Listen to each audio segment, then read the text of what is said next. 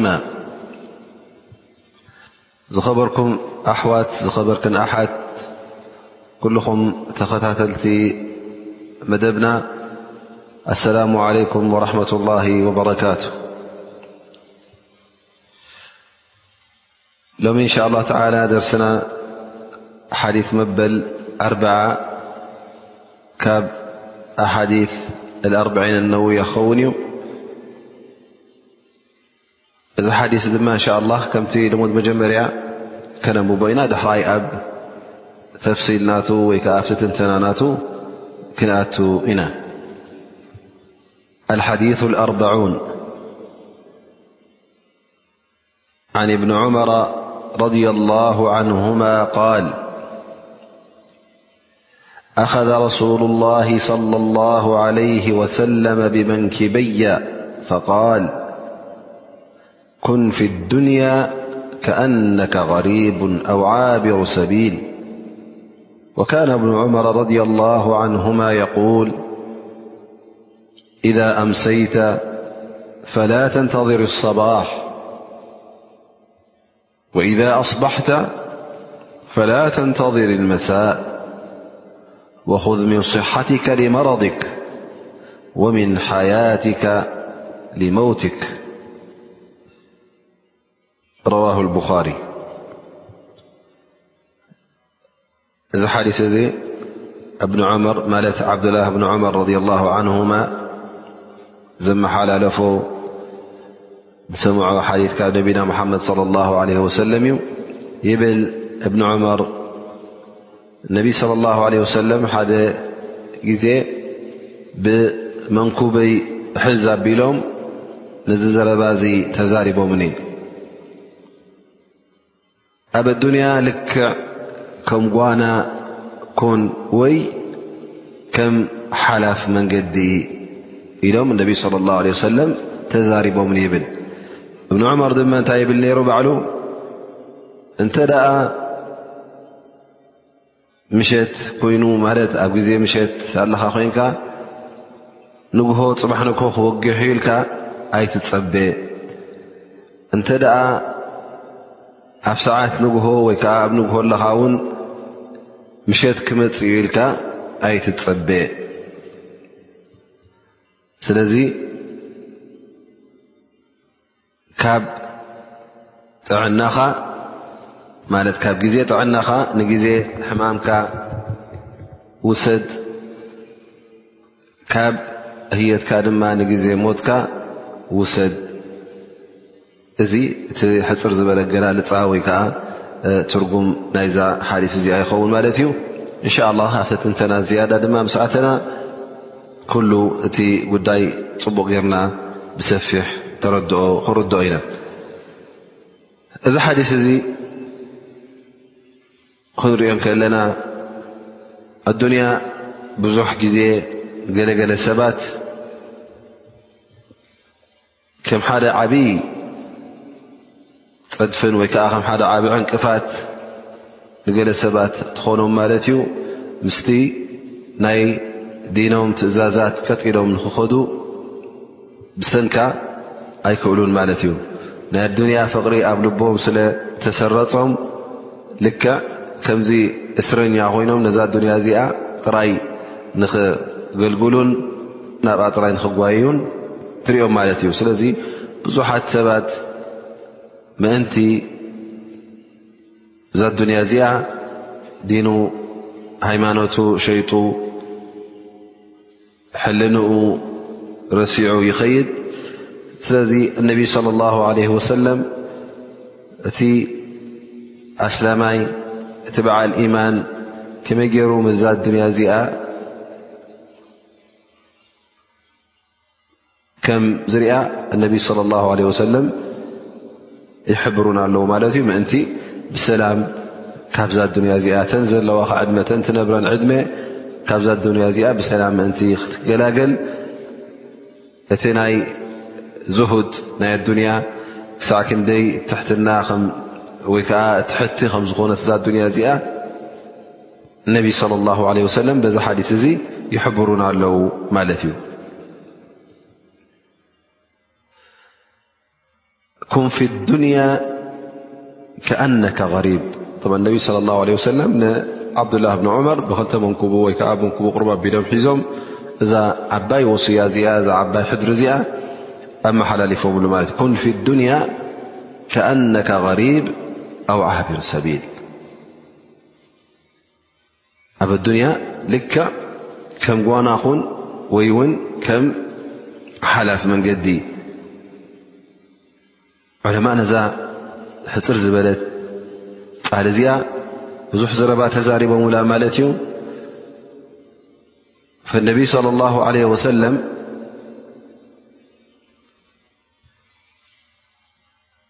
ልክዕ ንወዲ ሰብ ነቲ ፈራህ ረቢ ክኸውን ዝግብኦ ነቲ ናይ ዲኑን ናይ ኢማኑን ድልት ዘለዎ ሰብ እዚ ሰብ እዚ ልክዕ ከም ሪብ ማለት ጓና ኣብ ሓደ ዓዲ ክመፅእ ከሎ ጓና ክኸውን ከሎ እንታይ ማለት እዩ እተ ዝኣተኻዮ ዓዲ እታ ዝኣተኻያ ከተማ መጀመርያ ግዜ ትመፅ ዘለኻ ዘይትፈልጣ ጓና እተ ኮይንካ ትነብሮ ገዛ የብልካን ማለት እዩ ጋሻ ኢኻ ክትከውን ስለዚ ትፈልጦ ሰብ ውን ኣይክትረክብን ኢኻ እሞ እንታይ ኢኻ ትብል ማለት እዩ እንተ ንገለ ነገር ደሊኻ ኣብዛ ከተማ እዚኣ ወይ ከ ኣብዛ ዓዲ እዚኣ ኣቲኻ ኣለኻ እንታይ ክትከውን ኢኻ ታደትካ ስራሕ ታደትካ ነገር ጨሪስካ ንዓድኻ ንክትምለስ ኢኻ እቲ ናትካ ንያ ማለት እዩ ስለዚ እንተ ጓና ኮንካ ኣብ ሓደ ዓዲ መጀመርያ ግዜ ተኣትዎ ዓዲ ምስ ህዝቢ ዘይትፋለጥ ስለ ዝኾንካ ርክብ የብልካን ፍርሃት እውን ይስምዓካ ማለት እዩ ስለዚ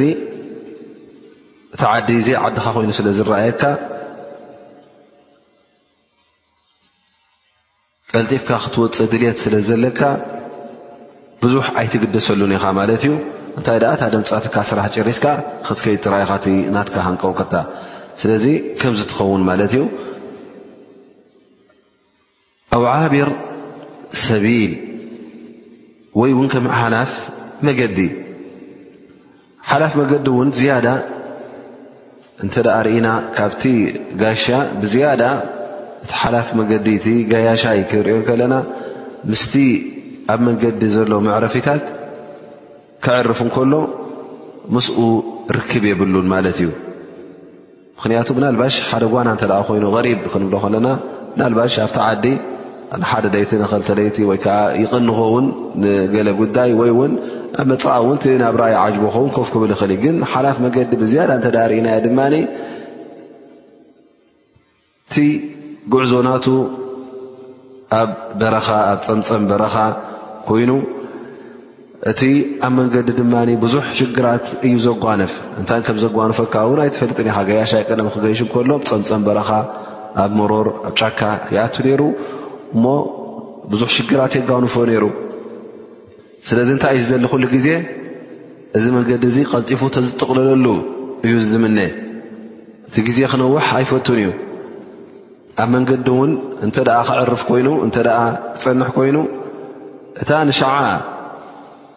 እትኾኑ ነገር እተፅንሖ ነገር ንዓ እዩ ዘዳሉ ድኣ እምበር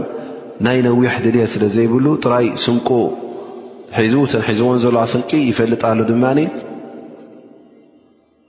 ንውሑዳት መዓልቲ ከም ምዃነን ንመዋእሉ ይኮናን ክሳዕ መጨረሻ ዕድሚኡ ክፀንሓ ኣይኮናን ምስ ዘን ስንቂ እዚአን ገያሻይ ስለ ዝኾነ እንታይ ደኣ ነተን ሰሙን ኹና ሓሙሽተ መዓልቲ ኹና ከምቲ መገሻ ሓሲብዎ ዘሎ ንዕአን ዝዓፅዋሉ እየን ስለዚ ኣብቲ ቦታ እቲ ንኽነብር ወይከ ኣብቲ በረኻ ኣብ መንገዲ ንኽነብር ወላ ፍፁም ሓሳብ የብሉን እንተ ከፅልል ኮይኑ ብትሕቲ ገረብ እውን ንግዜኡ ዩ ደጽለላ ደኣ እምበር ነዛ ገረብ እዚኣ ማይ ከስትያን ክቕምቅማን ከጸባብቓን ኣይትርእዮን ኢኻ ምኽንያቱ እንታይ እዩ ዝሰብ እዙ ንግዜኡ ስለ ዝዕርፍ ዘሎ እታ ጥቕሚ ዝረኸባ እንተ ኣ ለ ኮይና ነታ ሰዓት ይጥቀመላ ደኣ እምበር ካልእ ሓሳብ ይህብሉን ስለዚ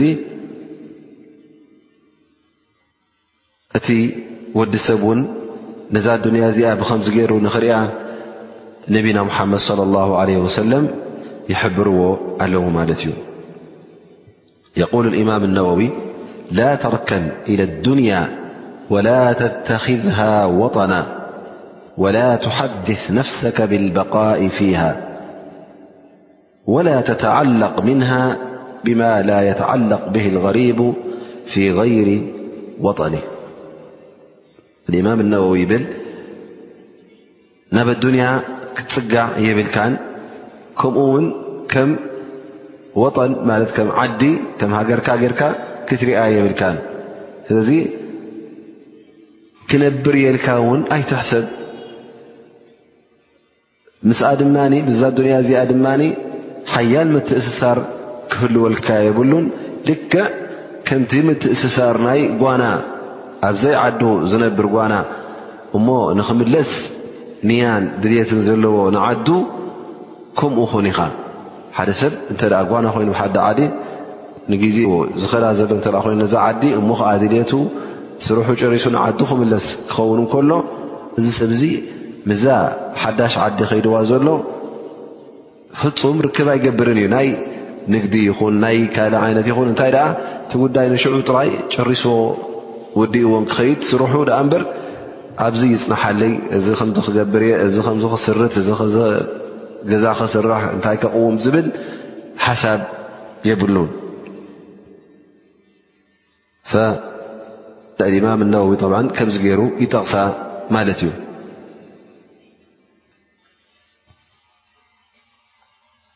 ገለ ዑለማእ ብዛዕባ እዚ ሓዲስ እዚ እውን ክዛረቡ ከለዉ ነቢይ صለ ላሁ ለ ወሰለም ኣብዛ ሓዲስ እዚኣ ክልተ ነጥቢ ነጊሩና ይብሉ እታ ቀዳመይቲ ይብሉ ወዲ ሰብ ከምቲ ገያሻይ ዓቢሩ ሰቢል ሓላፍ መንገዲ ክበሃል እንከሎ ሓላፍ መገዲ እሞ ኸዓ ክኸይድ እንከሎ ንዓዱ ዝኸይድ ዘሎ ማለት እዩ ኣብቲ ዘድልዮ ቦታ ንኽበፅሕ ወዲ ሰብ ልክዕ ከም ሓደ ልኡኽ ተላኢኹ ኣገልጋሊ ኮይኑ ወይ ከዓ ስራሕተኛ ኮይኑ እቲ ዘስርሖ ዘሎ ሰብ ናብ ሓንቲ ስራሕ ልኢኽዎ እሞ ናብቲ ዓዲ እዚኣ ኣብፅሕካያ ምፃእ ከምዚ ክብሎ ከሎ እንታይ እዩ ዝገብር እዙ እዚ ተላእከ ሰብ ትእዛዝ ናይተይ ዋና ስራሕ ንኸብፅሕ ትኺኢሉ እታ ተላእካ ትኺኢሉ የብፅሓ ማለት እዩ ኣብፅሕዋ ድማ እናተቐላጠፈ ናብ ቦትኡ ይምለስ ማለት እዩ ብዘይ ገለ ነገር ኣብ መንገዲ ክዕርፍን ኮፍ ክብልን ማለት ክቐኒን ከይፈተኒ ምኽንያቱ ተልእኾ ኣላቶ እታ ተልእኾ ናቱ ንኸብፅሕ ስለ ዝኾነ ከምታ በዓል ስራሕ ዝኣዘዞ ነታ ስራሕ ገይርዋ ይምለስ ማለት እዩ ኢዘን ከምዚ ክኸውን ኣለዎ ይብሉ ማለት እዩ ሙእምን ኩሉ ግዜ ነዛ ኣዱንያ እዚኣ ከም ዓዲ ጓና ገይሩ እዩ ዝርያ ማለት እዩ ስለዚ ልቡ ምዛ ዓዲ እዚኣ ምዛ ኣዱንያ እዚኣ ኣይተኣሳሰርን እዩ ናብኣ ድማ ኣይዝንብልን እዩ እንታይ ደኣ ሃንቆትኡ ኩሉ ግዜ ናበይ ኸውን ንዓዱ ንኽምለስ ኣብታ ዓዱ ንኽነብር ኣብታ ዓዱ ኩሉ ዘድልዮ ነገራት ንኸቕውም ይሓስብን ይደልን ስለዚ በዓል ኢማን እዛ ኣዱንያ እዚኣ ከም ዓዲ ጓና ገይሩ ክወስዳ እንከሎ ኩሉ እቲ ስራሕናቱ ኩሉ እቲ ናብራ ናቱ መፃኢ ናብራ ናበይ ክኸውን ከም ምዃኑ እቲ ቀዋሚ ዓዱ ዮም ልቅያማ ኣራ ስለ ዝኾነ እዛ ኣዱንያ እዚኣ ከም መሕለፊት መንገዲ ገይሩ ጥራይ ክጥቀመላ ኣለዎ ዳኣ እምበር ከም ዝነብር ገይሩ ክርያ የብሉን ስለዚ እታ ዓብዱላ እብኒ ዑመር ረድ ላ ማ እውን እታ ዝሃባ መልእኽትን ወስያን እንተ ርእና ካብዚ ሓዲስ እዚ መንዚዑ ዘውፅኣ ፋኢዳ እተ ርእና እንታይ ብል እብኒ ዑመር ኢዛ ኣምሰይተ ፈላ ተንተظር ሰባሕ ወኢዛ ኣስባሕተ ፈላ ተንተظር መሳእ እተ ኣምሲኻ እተ ግዜ ምሸት ኮይኑ ኣብ ግዜ ምሸት ኣለኻ ኮይንካ ፅባሕ ንግሆ ክወጊሑ ኢልካ ኣይትፀበ ኣብ ወጋሕታ ኣብ ንግሆ እተ ኣለኻ ኮይንካ ድማ ብ ግዜ ወጋሕታ ክመስ ኢልካ ኣይትፀበ ምክንያቱ ተስፋናትካ ሓፂር ተስፋ ክኸውን ኣለዎ ምክንያቱ እቲ ዕድመናትካ መዓስ ከም ዝውዳእ ስለ ዘይትፈልጥ የንበቂ ኩሉ ግዜ ግዴታ እቲ ዕድመናትካ መዓስ ከም ዘቋርፅ ስለ ዘይትፈልጥ ኣብታ ዘለኻያ ሰዓት ነታ ዘለኻያ ሰዓት ብትግሃት ክትሰርሓላ ኣለካ ማለት ንግሆ ኣሎሞኒ ኸላስ ኣዚ ኣብ ምሸት ክፍፅሞ የ እዚ ር እዚ ሰናይ ተግባር እዚ ከም ዝኣመሰለ ይፅንሓለ ኢልካ ክትፅንሕ የብልካን እንተ ደኣ እዚ ስምዒት ዝለካ ኩሉ ግዜ ድማ እንታይ ዩ እዛ ኣዱንያ እዚኣ ሳዕ ክንዲ ቀላል ከም ምዃና ገንዘብ ንኽትድልብ ሃብቲ ንኽትእክብ እዚ ኹሉ ነገራት ግልፅ ኣይክትብሎን ኢኻ እንታይ ደኣ ሓደ ሰብ ሕጂ ንኣብነት እንተ ደኣ ሎም መዓልቲ እኣ ናይ መጨረሻ ዕድሜኻ ክሳዕ ምሸት እንተጸኒሕካ እኳ ኢሎም እንተ ደኣ ተዛሪቦሞ እተን ዘለኦኻ ሰዓታት ፋሉ ኣይኮነ ዶ ዓሰርተ መዓልቲ ሰሙን ወርሒ ዓመት ክበሃል እንታይ ደኣ ዓሰርተ ሰዓት እየን ጥራይ ተሪፈናኻ ኣለዋ እንተ ተባህለ እንታይ ይገብር መስለኩም ዝሰብ እዙ እንታይ ይገብር ዓል ገዛ ንኽሰርሕ ይሓስብ ንግዲ ንኽነግድ ኣብዘን ዓሰርተ ሰዓት ይሓስብ ካልእ ነገራት ከቕውምዶ ናይ ኣዱንያ ነገር ይሓስብ ኣይፋሉን ኣይሓስብን እንታይ ደኣ እዘን ዓሰርተ ሰዓት ተሪፈናኦ ዘለዋ ካብዛ ዱንያ ዝወፅኣላ ናበይ ከም ምዃና እንተ ዝፈልጥ ኮይኑ ኣራን ጀናን ጀሃነምን ከም ዘሎ ዝኣምን እንተ ኮይኑ እዘን ዓሰርተ ሰዓት ብስቲቕፋር ብቶባ መሕለፈን ደኣ እምበር ብሰናይ ምግባር እቲ ዘለዎ ገንዘብ ንገዛእ ርእሱ ኩሉ ብበታተኖ ነይሩ ሰደቃ ኮይኑ ነቲ ዘተንሃቡለይ እናበለ ምተሰደቀ ነይሩ ማለት እዩ እዘን ከምዚ ዝኣመሰለ እዮ ዓብዱላ ብኒ ዑመር ክትከውን ዝደልዩካ ዘለዉ እቲ ኣረኣያ ናትካ ናይ ኣዱንያ ሓፂር ኣረኣያ ክኸውን ኣለዎ ዳኣ እምበር ነዊሕ ተስፋ ዝመልኦ ናይ ኣዱንያ ድልት ዘለዎ ክኸውን የብሉ እዛ ኣምሰይታ ፈላ ተንተظር ሰባሕ እንተደኣ ግዜ ምሸት ኮይኑ ንጎ ክመፅእ ኢልካ ኣይትፀበ መን ኢሉካ ንኮ ክመፅ እዩ ኣላ ስብሓን ወተዓላ መዓስ እዛ ሩሕካ እዚኣ ከም ዝወስዳ ኣይትፈልጥን ኢኻ ስለዚ ተጠንቀቕ ፅባሕ ንግሆ ኣሎ ኢልካ ወይ ከዓ ክወግሕ እዩ ፅባሕ የርክበሉ እየ ኢልካ እቲ ናይ ኣኼራ ነገር ሰናይ ነገር ከተፅንሖን ክተደናጉዮን የብልካን ንግሆ እንተ ኮይኑ ብንግህኡ ኩሉ ስራሕ ብሸት እተ ኮይኑ ኣብ ማስያ ኣብቲ ብሸትካ ስራሕ ንፅባሕ ይፅናሓለይ ዝበሃል ክህልወካ የብሉን ኣኑ እታ ዕምሪ እንተኣጀልናትካን ኣይትፈልጣን ኢኻ ከምኡ ውን ካብቲ ሕድሪ ዓብዱላህ ብን ዑመር ረ ላ ን ውን ዘመሓላለፉልና ኣብዚ ሓዲስ እዚ እንተ ርእና እንታይ ይብሉ ወኹዝ ምን ስሓትካ ሊመረድክ ወምን ሓያትካ ሊመውትክ ዓባይ ወስያ ዓባይ ሕድሪ እያ እዚኣ እውን ካብ ክታብ ረብን ካብ ሰና ነብን ዘምፅእዋ ሕድሪ ትኸውን ማለት እዩ ምኽንያቱ እቲ ግዜ ጥዕናኻ ግዜ ክእለትካ ኣብ ምእዘዛ ከተሕልፎ ኣብ ጣዓት ላህ ከተሕልፎ ከም ዘለካ እዮም ዝሕብሩ ዘለዉ ማለት እዩ እዚ ምእዘዛ እዚ ዋጅብ ይኹን ግዴታ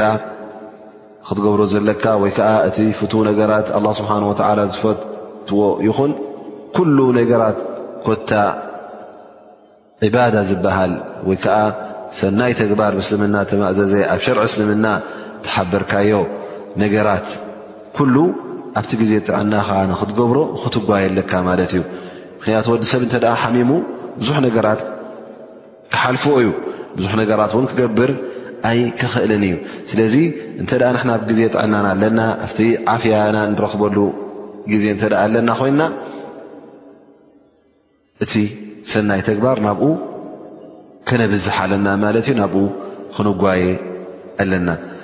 እንተ ደኣ ሓሚምካ እታ ሰላት ንገዛ ርእሳ ከምቲ ግቡእ ጌርካ ኣይክትሰግዳን ኢኻ ወይ ኣብ ዓራት ኮንካ ወይ ኣብ ሰድያ ኮንካ ክትሰግዳ ኢኻ ማለት እዩ ብዙሕ ካብቲ ቅድሚ ኩነት ናታ ከየማላእካ ወይ ከዓ ከምቲ ግቡእ ኣተግብራ ናታ ከየተግበርካ ክትሓልፈካ ማለት እዩ ኣሎ ድማ ዒባዳታት ሓይልን ክእለትን ዘድዮ ስያም እተ ርእና ፆም እተ ርእና ሕሙም ሰብ እተ ሓያል ሕማም ኣለዎ ኮይኑ ክፀውም ኣይክእልን እዩ ሓጅ እተ ኮይኑ ውን ክሕጅጅ እተ ኮይኑ ናይ ሓጅ ናይ ኣካል ምንቅስቃሳት ስለ ዘለዎ ውን ዝሓመመ ሰብ ውን ንሓጅ ኣይክኽእልን እዩ ስለዚ ኣብዛ ሓዲ እዚኣ ከምቲ እብን ዑመር ዘመሓላልፎ ዘሎ ወይ ከዓ ከምቲ ባዕሉ እውን ዝላበዎ ዘሎ እቲ ግዜ ጥዕናና ኣብ ሰናይ ተግባር ከነሕልፎ ኣለና ጥራይ ኣብ ሃርኮትኮት ናይ ኣዱንያ ክሓልፍ የብሉን ምስ ሓመምካ ሽዑ ናብ ረቢ ክትምለስ ማለት ኣይኮነን ገና ብጥዕናኻ ከለኻ እቲ ረቢ ዝፈትዎ ግበር ምስ ሓመምካ ምእንቲ ኣላ ስብሓን ወተዓላ ሽዑ ክሕግዘካ በል እንተ ኣብ ግዜ ጥዕናኻ ትገብሮ ነርካ ኮንካ ልሙድ ተግባር ነይሩ ኮይኑ እሞ ኸዓ ሓሚምካ ክትገብሮ እንተ ዘይከኣልካ ኣላ ስብሓን ወተዓላ እዚ ኣብ ግዜ ጥዕናኻ ትገብሮ ዝነበርካ ኣብቲ ግዜ ሕማምካ ብሰንኪ ሕማምካ ዘየተግባርካዮ ኣላ ስብሓን ወተዓላ ልክዕ እዚ ተግባር እዚ ልክዕ ከም ትገብሮ ዘለካ ገይሩ ክቆፅረልካ እዩ ኣጅር እውን ክሓስበልካ እዩ ስለዚ ኣብ ግዜ ጥዕናኻ ንሰናይ ተግባራት ኣብዝሕ ካብቲ ዘገርም ነገራት ምናልባሽ ወዲ ሰብ ኣብ ግዜ ጥዕንኡ ኣዱንያ ትሻቕሎ ትኸውን ምኽንያቱ ጥዕና ክህልዎ ከሎ ኣበይ እዩ ዝጓዓዝ ኣብቲ ናይ ስራሕ ኣብቲ ናይ ሃርኮትኮት ኣብኡ ይጓየ ማለት እዩ ኣላ ስብሓን ወተዓላ ጥዕና ሂቡካ እንከሎ እታ ዱንያ ድማ ባዕላ ትስሕበካን እቲ ናይ ኣኼራ ተረስዓካ እያ ምኽንያቱ እቲ መሻቕል ናይ ኣዱንያ ለቐድ ከለቕና ልእንሳነ ፊ ከበድ መሻቕል ኣዱንያ ኩሉ ግዜ ሓርኮትኮት ስለ ዝኾነ ሓርኮትኮት ክትብል ይሓልፈካ ማለት እዩ ገለ ሰባት ድማ ምናልባሽ እቲ ናይ ኣዱንያ ነገር ኣላ ስብሓን ወተዓላ ቀሊልሎም ይኸውን ማለት ሃብቲ ሂብዎ ኣልሓምዱልላ ርዝቂ ሂብዎ ሽሻይ ሂብዎ ይኸውን ስለዚ ናይ ኣዱንያ ነገር ብዙሕ መሽቓላ የብሉን ግን ጥዕና ድማ ይጎድሉ ኸውን ስለዚ ኣብቲ ዕባዳ ድማ ብሰንኪ ጉድለት ናይ ጥዕና ከጓድል ንረኽቦ ማለት እዩ ላኪን ኣላ ስብሓን ወተላ እንተ ደኣ ርዝቂ ፅቡቕ ሂቡካ ማለት እኹር ርዝቂ ንዓኻን ንስድራኻን ዝኸውን ነቶም ትናብዮምን ከምኡ እውን ጥዕና እንተ ሂቡካ ብድሕሪ እዚ እንተ ክትህከ ተራኢኻ ካብቲ ኣላ ስብሓን ወተዓላ ዝኣዘካ ጣዓ ምእዘዛ እንተ ከተትሓርሐርን ክትህከን ተራኢኻ እስኻ ብሓቂ ተታሊልካ ኣለኻ ማለት እዩ እዛ ኣዱንያ እዚኣ ዓሽያትካ ኣላ ማለት እዩ ምክንያቱ እዛ ኣዱንያ እዚኣ ከም ዘራእቲ ናይ ኣራ ክትገብር ኣለካ ግራት ናይ ኣራ ክትሓርሳ ኣለካ ማለት እዩ ሕና እዛ ኣዱንያ እዚኣ ብዓይኒ እምነት ክትሪኣ ከለኻ እዛ ኣዱንያ እዚኣ ማሕረስ ናይ ኣራ እያ ምኽንያቱ እቲ ኣብ ኣዱንያ እትገብሮ እትዘርኦ ኣብ ኣራ ኢኻ እትሓፍሶ ስለዚ ምህርቲ ማሕረስካ ምእንቲ ክሐጉሰካ ኣብ ዮም ኣልቅያማ ግዴታ እንታይ ኢኻ ትገብር እቲ ግራትካ ፅቡቅ ጌርካ ክትሓርሶ ኣለካ ድኩዖ ክትገብረሉ ኣለካ ክትፃህዮ ኣለካ ኩሉ ነቲ መሬት ዘዕምር ነቲ እኽልን ነቲ ትዘርኦ ዘለካ ዘራእቲ ዘጸብቕ ትገብር ማለት እዩ በዓል ግራት እንተ ኮንካ እዘን ሞዛ ዱንያ እዚኣ ግራት ኣራ እተ ኮይና ነቲ ንኣራ ንገብሮ ዘሎ ግራ እተ ኮይና እሞ ብምንታይ ንዓምራ ብዒባዳ ብተቕዋ ብፍርሃት ረቢ ብሰናይ ተግባር ፅቡቕ ዘራእቲ ጌርካ ክትዘርኣ ኣለካ ክትድኽ ኣለካ እቲ ድኹዑናታ ድማ ኩሉ ከምቲ ንብሎ ዘለና እቲ ኣላ ስብሓን ወላ ዝፈትዎ ተግባራት እቲ ምእዘዛ ኣላ ስብሓን ወላ ካብቲ ዒባዳ ተውሒድ ጀሚርካ ንኣላህ ስብሓን ወተዓላ እቲ ዝግባእ ኣምልኾት እቲ ዝግባእ ተውሒድ ሂብካ ከምኡ ውን ኣብ ኩሉ ትእዛዛት ን ኣላ ስብሓን ወተዓላ ሕራ ኢልካ ክትእዘዝ ካብቲ ዝኸልከለካ ሕራ ኢልካ ክትክልከል ክትቁጠብ ከለኻ እዚ እቲ ናትካ ዘራእቲ ፅባሕ ንግሆ ብእዝኒላ ኣላ ስብሓን ወተዓላ ኣብ ዮም ኣልቅያማ እውን ክሐጉሰካ እዩ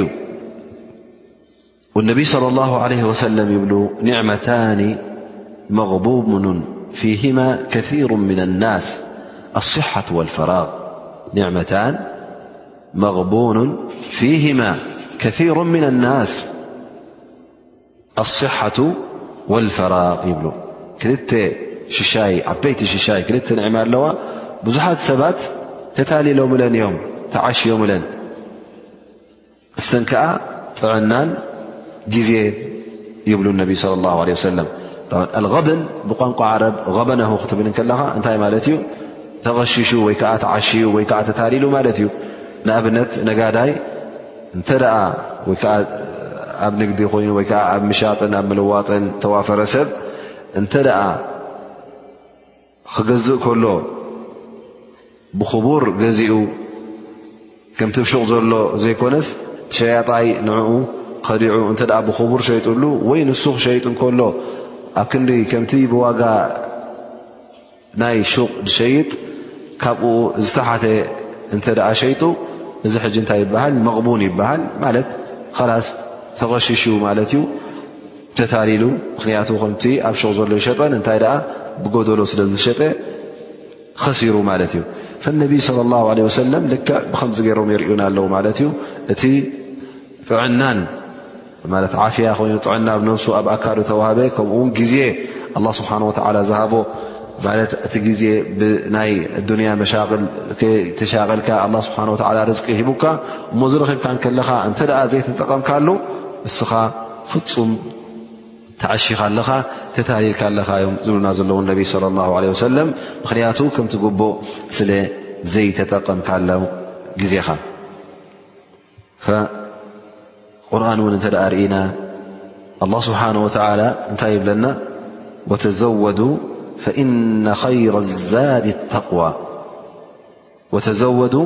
ፈእነ ኸይረ ዛዲ ኣተቕዋ መዓልታት ዕድሜኻ ኩሉ ብጣዓት ላ ወረሱሊ ክሓልፍ ይግባእ ማለት እዩ ከምቲ ዝበልናዮ እዛ ኣዱንያ እዚኣ ከም ጋያሻይ ረኣያ እንብል ዘለና ኣላ ስብሓን ወላ ብዛ ኣያ እዚኣ ወተዘወዱ ኣዛድ እንታይ ማለት እዩ ስንቂ ማለት እዩ ስንቂ ድማ ገያሻይ ዝወስዶ ማለት እዩ ናበይ ካብቲ ዘጀመሮ ጉዕዞ ካብ ዝጀመሮ ዘሎ ጉዕዞ ዓዲ ክሳዕ ዓዲ ዝኣቱ ክሳዕ እቲ ቦትኡ ዝበፅሕ ዝማልኦ እኽለ ማይ ይኸውን ማለት እዩ ስለዚ ኣላ ስብሓን ወተዓላ እውን ተዘወዱ ፈኢነ ኸይረ ዛድ ተቕዋ ይብለና ስለዚ ንሕና እቲ ተቕዋ እቲ ፍርሃት ረቢ ንስኡ እቲ ዝለዓለ ስንቅና ምክንያቱ ነዚ ስንቂ እዚ ሰኒቕና ክንከይድ ከለና ፅባሕ ንግሆ ናብቲ ዘድልየና ምስ በጻሕና ክሐጉሰና እዩ። ሞት ድማ ኣብ ኢድና ኣይኮነን ኣብ ዝኾነ ሰዓት ኣብ ዝኾነ ደቂቃ ክመጽእ ስለ ዝከኣል እሞ ኸዓ ጥራይ ኢድካ እንተ ጸኒሕካ ስንቂ እንተ ዘይተማላእካ ናብቲ ናይ መዓልቲ ቅያማ ኣብቲ ቦታኻ ትሓስቦ ዘለኻ ዘብፅሓካ እንተ ዘይተማላእካ ኣብ መንገዲ እንተ ኣቋሪፁካ ሃሊቕካ ጠፊእካ ማለት እዩ ስለዚ ካብ ህልቃን ንጠቀቕ ምኽንያቱ ፅባሕ ንግሆ ኣብ ዮም ኣልቅያማ እውን ብዙሓት ሰባት ክጠዓሱ እዮም ዋይ ኣነ ዋይ ኣነ እናበሉ ኣነ ጥራይ ኢደ መፅየ ወላ ሓንቲ ከይሓዝኩ እዛ ኣዱንያ ሓንቲ ከይሓረስኩ ዘራእቲ ከይተጠቐምኩሉ እዚ ኩሉ ግዜ ተዋሂበ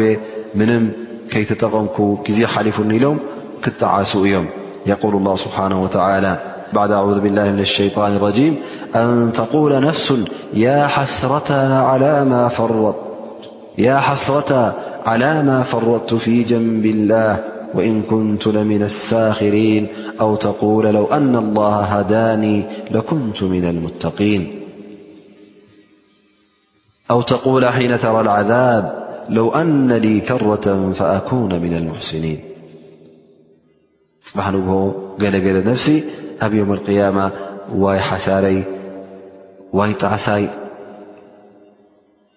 ሓሳረይ ጣዕሳይ እናበለት ክትዛረብ እያ ስለምንታይ ስለቲ ጉድለት ተረኸበ በቲ ዘርኣየቶ ጉድለት ዓበ ዱንያ ከላ እዛ ነብሲ እዚኣ ትላገፅ ነይራ ወይን ኩንቱ ለሚና ሳኪሪን ነቶም ኣህለልኢማን ነቶም ሰብ ር ሰናይ ክገብሩ ከለዉ ኣንቱምንታይ ከም ትገብሩ ዘለኹም ስቕልኩም ነብስኹም ተትኩሙ ኣለኹም እናበሉ ይስሕቅዎም ነይሮም ማለት እዩ ሽዑ ግን እቲ ሓቂ ብዓይኒ ምስ ረኣየቶ እዛ ነፍሲ እዚኣ እንታይ ክትብል እያ ያ ሓስረታ ዋይ ሕስረተይ ዋይ ጣዕሳይ ኦ ጥፍኣተይ ኢሉ እዛ ነፍሲ እዚኣ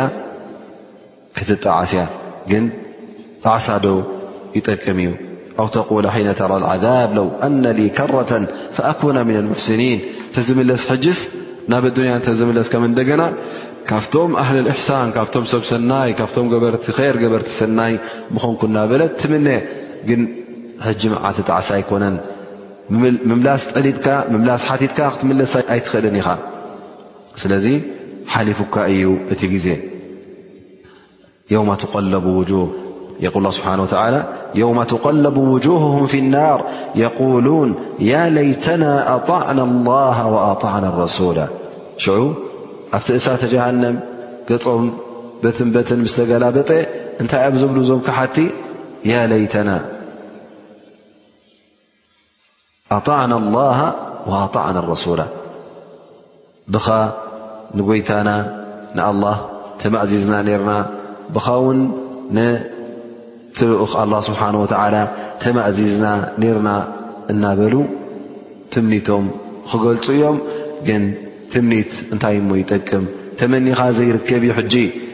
ግዜ ትምኒት ኣይኮነን እንታይ ደኣ ግዜ ሞሳ ግዜ ናትካ ምቕባል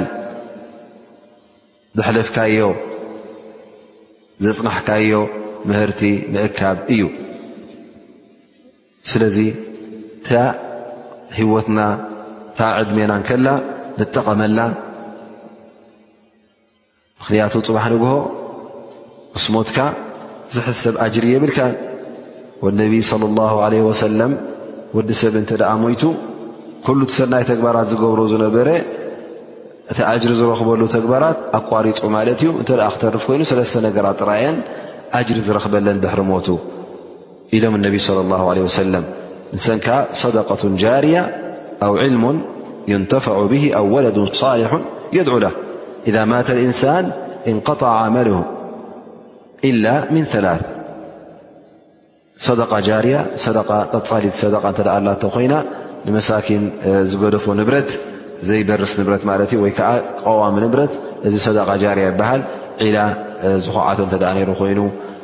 ገዛ ሰሪሑ ገዲፉ ንመሳኪን ክጥቀሙሉ ኢሉ መስጊድ ተኺሉ ነይሩ እዚ መስጊድ እዚ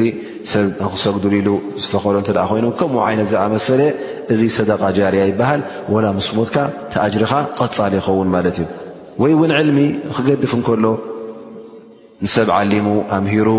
እዞም ዘምሃሮም ነብሶም ተጠቒሞም ንስድረኦም ንኣሕዋቶም ንካልኦት ዘምህሩን እተ ኮይኖም እቲ ትምህርቲ ሕጂ ካብ ካብ ወለዶ ናብ ወለዶ እናሰገረ ክኸይድ እንከሎ እዚ ዕልሚ እዚ ይጥቀምሉ ኣለዉ ማለት እዩ ስለዚ በቲ እሱ ዝዓለሞ ነዞም ዝዓለሞም ሰባት ኣጅሩ ቐፃሊ ይኾነሉ ማለት እዩ ወይ እውን ኣብ ፅሑፍ ኣብ ክታብ ክገድፎ ከሎ ኣብ ካሴት ክገድፎ ከሎ ኣብ ፊልም ኣብ ዝኾነ ይኹን ማዕከን እንተ ገዲፎ ድማ ብድሕሪኡ ሰብ ክጥቀምሉ ክኢሎም በዚ ጥቕሚ እዚ እውን በዚ ዕልሚ እዚ እውን ኣላ ስብሓን ወተዓላ ቐፃሊ ኣጅሪ ይገብረሉ ወይ ከዓ ጥዑይ ውላድ እንተ ኣለዎ ኮይኑ ሳልሕ ዝኾነ ውላድ ፈራህ ረቢ ዝኾነ ውላድ እንተ ገሪፉ እዚ ውላዱ እዙይ ነቦኡ ስለ ዘይርስዕ ንወላዲኡ ንወላዲቱ ስለ ዘይርስዕ ድዓ ክገብርሎም ከሎ እንታይ ይረክብ ማለት እዩ ኣጅሪ ይረክብ እቲ ኣጅሪ እውን ቀፃሊ ይኸውን ወዲ ሰብ ኩሉ ግዜ ዝኾነ ይኹን ሰብ ኣስላማ ይኹን ወላ እውን ዘየስላማ ይኹን ፃዕዳ ይኹን ፀሊም ይኹን ዝኾነ ይኹን ወዲ ሰብ ክነብር ድዩ ከይሞተ ወይስ መጨረሻ ኣለዎ ኢልካ ክትሓቶ ከለኻ ኣብዛ ኣዱንያ እዚኣ ዝኾነ ይኹን ሰብ ዝኾነ ይኹን ህየት ዘለዎ ውሱን መዓልትታት ከም ዘለዎ ኩሉ ርግጸኛ እዩ ነዚ ነገር እዚ ዝስሕት የለን እስላማይ ይኹን ዘየስላማይ ይኹን ከም ዝመውት ርግጸኛ እዩ ምክንያቱ ኣብቶም ቀዳሞት ስለ ዝረኣዮ ኣብቶም ኣቦታቱን ኣቦሓጎታቱን ስለ ዝፀንሐ ርግፀኛ እዩ ንሱ እውን መዓልቱ ምስ ኣኸለ ክመውት ከም ምዃኑ ግን ካብቲ ዘገርም ነዛ መዓልቲ እዚኣ መብዝሕቱ ሰብ ይርስዓ ማለት እዩ ጥራይ ናብ ኣዱንያ ገፁ የጣልብ ኩሉ ግዜ ጥራይ ንዱንያ ክጓየ ትረኽቦ ማለት እዩ ስለዚ ኣላ ስብሓን ወተዓላ እውን እዚ ነገር እዚ ካብ ልብና ምእንቲ ክውፅእ እዚ ነገር እዚ እውን ክስቆረና ከም ዘይብሉ ንኸዘኻኽረና ኣብቲ ቁርን እውን ብብዙሕ ኣያታት ጠቒሱልና እዩ የቁል ላ ስብሓን ወተላ ኩሉ መን ዓለይሃ ፋን ኣይ ኩሉ መን ዓለ ኣዱንያ ፋን ኩሉ ኣብ ኣዱንያ ዘሎ ክበርስ እዩ ክፀንት እዩ ኢሉና ኣላ ስብሓን ወተላ ሃ ተذኪር እዚኣ ክትቀርእ ከለካ ኩሉ መን ዓለይሃ ፋን ዝተርፍ የለን ኢሉ ኣላ ስብሓን ወተላ ሓቢሩና እሞ ዝተርፍ ካብ ዘይሃለወስ እንታይ ደኣ ምዛ ዱንያ እዚኣ በስናናን በእዳውናን ነኺስናያ ጥራይ ደድሕሪኣ ንወይ ዘለና ኢልካ ነብስኻ ትሓትት ማለት እዩ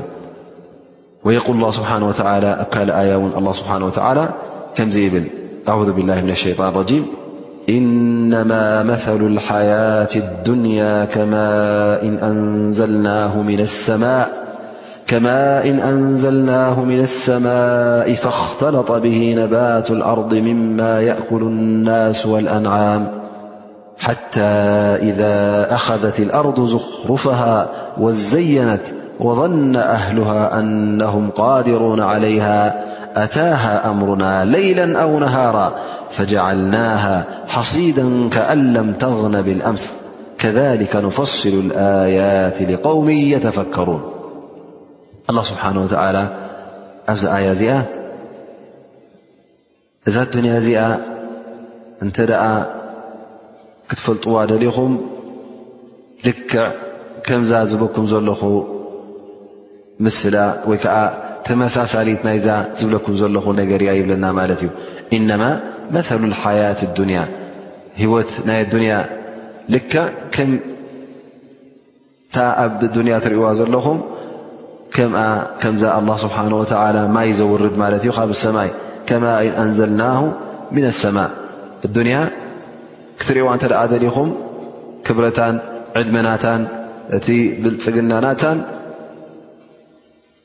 እነሀ ነዚኣ ትመስል ይብለና ኣላ ስብሓን ወተላ ነየናይ ኣላ ስብሓን ወተላ ማይ የውርድ ንርኢ ኣለና ካብ ሰማይ ማይ ወሪዱ ኣብ መሬት ምስ ወረደ ምስቲ ኣብ ምድሪ ዘሎ ፍረ ምስተሓወሰ ጥረምረ ማለት እዩ እሱ ከዓ ደቂ ሰብ ዝበልዕዎ ይኹን ወላ እውን እንሳሳታት ዝበልዐኦ ይኹን ይበቁል ማለት እዩ ሓታ ኢዛ ኣኸዘት ኣርዱ ዝኽሩፋ ሽዑ ትማይ ወቂዑ እቲ ፍረ ምስ ተረኸበ ናይ ሰብ ዝበልዖ ኮይኑ ናይ እንስሳ እዛ መሬት እዚኣ ለምለም ትኸውን ትፅብቕ ትምልክዕ ኩሉ መልክዓ እውን ትለብስ ማለት እዩ ፍዮሪ ይኹን ኣበባ ይኹን ዕምባባ ይኹን ኣዝመራ ይኹን ኩሉ እዚ መሬት እዚ ክትሪኦ ከለኻ ደስ ይብለካ ማለት እዩ እሞ ሽዑ ኣብዚ ምስ በፃሐት እቲ እኽሊ ምስ ፈረየ እሞ ኸዓ እቶም ዋናታት ተሓጒሶም ኸላስ ሕጅስ ግዜ ማእቶት ኮይኑ ማእቶትና ኸነኦቱ ኢና ምህርትና ክንእክብ ኢና እናበሉ እንከለዉ ትእዛዝ ኣላ ስብሓን ወተዓላ መፅኡ ነዚ ዝራእቲ እዚ ነዚ ፅቡቕ ንሪኦ ዘበርና ለይቲ ይኹን ወይ መዓልቲ ትእዛዝ ኣላ ስብሓን ወተዓላ መፅኡ ሕምሽሽሽ ከብሎ ከሎ ስብርብር ከብሎ ከሎ ከንቁፆ ከሎ ትማሊ ከምዘይ ነበረ ክገብሮ ከሎ ኣላ ስብሓን ወተዓላ እንታይ ትኸውን ማለት እዩ ሕጂ እታ ጉዳይ ክትሪኣ ከለኻ ተገማጢላ ማለት እዩ ፈዱንያ ኣላ ስብሓን ወተላ ልክዕ ከምዚኣ እያ ግዜያዊት እያ እነሀ እዛ መሬት እዚኣ መዓስ ለምለም ነይራ እሞ ከዓ ብሓንቲ ሳዕ ብሓንቲ ለይቲ ብሓንቲ መዓልቲ ኣላ ስብሓን ወተላ ክሓማሽሻን ከድርቓን ከቕህማን ክኢላ እዩ ማለት እዩ ስለዚ እሞ ሓንቲ ከይተጠቐምካላ ክጥቀመላ እያ እናበልካ ከለካ እዛ ዱንያ እዚኣ ኣላ ስብሓን ወተዓላ ንዓኻ እታ ዝወሰነልካ መዓልቲ ክወስደካ እንከሎ ክትመውት ከለኻ እንታይ እሞ ክኸውን እዩ እቲ ኩሉ ኣብ ኣዱንያ ዘሎ ሽሻይን ርዝቅን ወላ ሓንቲ ፋኢዳ ከም ዘይብሉ ይርድኣካ ማለት እዩ ስለዚ እቲ ባርያ ኣላ ናይ ብሓቂ እንተ ኣላ ስብሓን ወተዓላ ኣብ ልቡ ብርሃን መሊኡሉ ኮይኑ እዛ ኣዱንያ እዚኣ ከመይ ከም ምዃና እቲ ናታ ባህሪ ክፈልጦ እዩ ባህሪ ናታ እተደኣ ፈሊጡ ድማ ፍፁም ከተዐሽዎ ኣይትኽእልን እያ ናብኣ ድማ ፈጺሙ ኣይምርኮስን ኣይጽርጋዕን እዩ። እንታይ ደኣ ሃንቀውታ ናቱ ንየውም ኣልቅያማ ናብቲ ዝምለሰሉ መዓልቲ ናብቲ ናይ መዓልቲ ቅያማ ናብኡ ቁሊሕ ክብል ስለ ዝኾነ እቲ ቆላሕታ ናቱ ናብኡ ክስሕቦ ናፍቲ ኣራ ክስሕቦ ስለ ዝኾነ ነዛ ኣዱንያ እዚኣ ከም ስንቂ ከም ግራት ክገብራ ይኽእል ማለት እዩ። ስለዚ እዛ ሓዲስ እዚኣ በዚ ትድምደም ኣብ መጨረሻ ድማ ምናልባሽ እክብ እክብ ከነብሎ ክተ ኮይና እቲ ዝወሰድናዮ ፋይዳታት እንታይ ንርኢ ማለት እዩ እነቢይ ስለ ላ ለ ወሰለም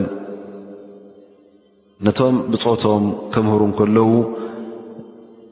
ይዕበዩ ይንኣሹ ብዘየገድስ እብኒ ዑመር ሕጂ ዓብዱላህ እብኒ ዑመር ካብቶም ንኣስቱ ኣስሓብ ነቢ እዩ ዝቁፅር ነይሩ ላኪን ነቢ ለ ላ ለ ወሰለም ነዚ ሰብ እዚ ነዚ ሰዓቢኦም እዚ ኣቕሪቦም ኣብ ጎኑ ቐሪቦም ሕቑፍ ኣቢሎም ብመንኩቡ ሕዝ ኣቢሎም ነዚ ትእዛዝ እዚ ወይ ከዓ ነዛ ወስያ ነዛ ለበዋ እዚ እዚኣ ኣመሓላሊፎምሉ ማለት እዩ እዚ እንታይ ዘርእየና ማለት እዩ ሕጂ ኣብ መንጎቲ መምህርን ተማሃርንሲ ፅቡቕ ርክብ ክህሎ ከም ዘለዎ ናይ ፍቕሪ ናይ ስኒት ክህሉ ከም ዘለዎ እቲ ተማሃራይ ድማ ከምዚ ጌርካ ኣቕሪብካ ክትመኽሮ ከለኻ እቲ ምኽርኻ እውን ፅቡቕ ይቕበሎ ማለት እዩ እቲ ኣብ መንጎ ኣስሓብ ነብይን ነቢና ሓመድን ለ ላ ሰለም ዝነበረ ፍቕሪ እውን ከመይ ከም ዝነበረ ነቢ ስ ሰለም እቶም ብፆቶም ይፈትዎም ነሮም ንኦም እሶም ይፈትዎም እቲኦም ውን ይፈትዎም ነሮም ስለዚ ኣብ መንጎኦም ዓብዪ ፍቕሪ እዩ ነይሩ ማለት እዩ እቲ ሙእሚን ድማ ብዝያዳ እቶም ዑለማእ ዝበሃሉ እቶም መራሕቲ ሃይማኖት ዝበሃሉ መራሕቲ ዲን ምስቲ ህዝቦም ምስቲ ኣስላማይ ኩሉ ፅቡቕ ፍቕርን ስኒትን ምውህሃድን ክህልዎም እንከሎ እንታይ ይኸውን ማለት እዩ እቲ ዳዕዋናቶም ውን እቲ ቃሎም ውን ተሰማዕነት ይረክብ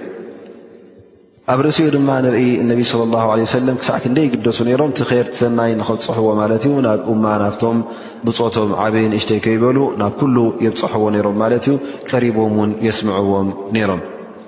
ኣብዚ ሓዲስ እዚ ድማ እንታይ ርኢና ማለት እዩ እቲ ሰናይ ነገራት እንተ ደኣ ኽንገብሮ ኮይንና ንፅባሕ ንድሕሪ ፅባሕ ይፅንሓለይ እናበልና ከነደናጒ ከም ዘይብልና ተረዲእና ማለት እዩ እንታይ ደኣ ክንጓየ ኣለና ምኽንያቱ እዛ ሎ መዓልቲ እዛ ሰዓት እዚኣ ተዋሂባትካ ዘላ ዕድል ምናልባሽ ፅባሕ ኣይትረኽባን ትኸውን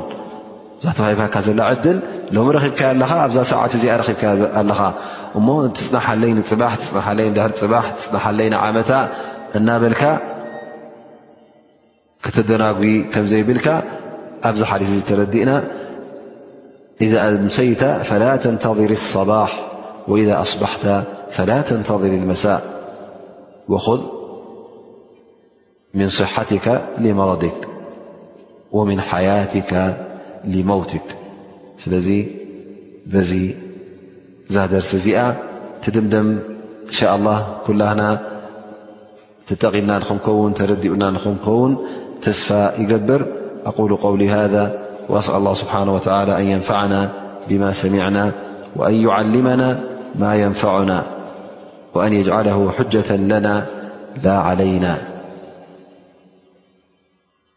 فالله سبحانه وتعالى على كل شيء قدير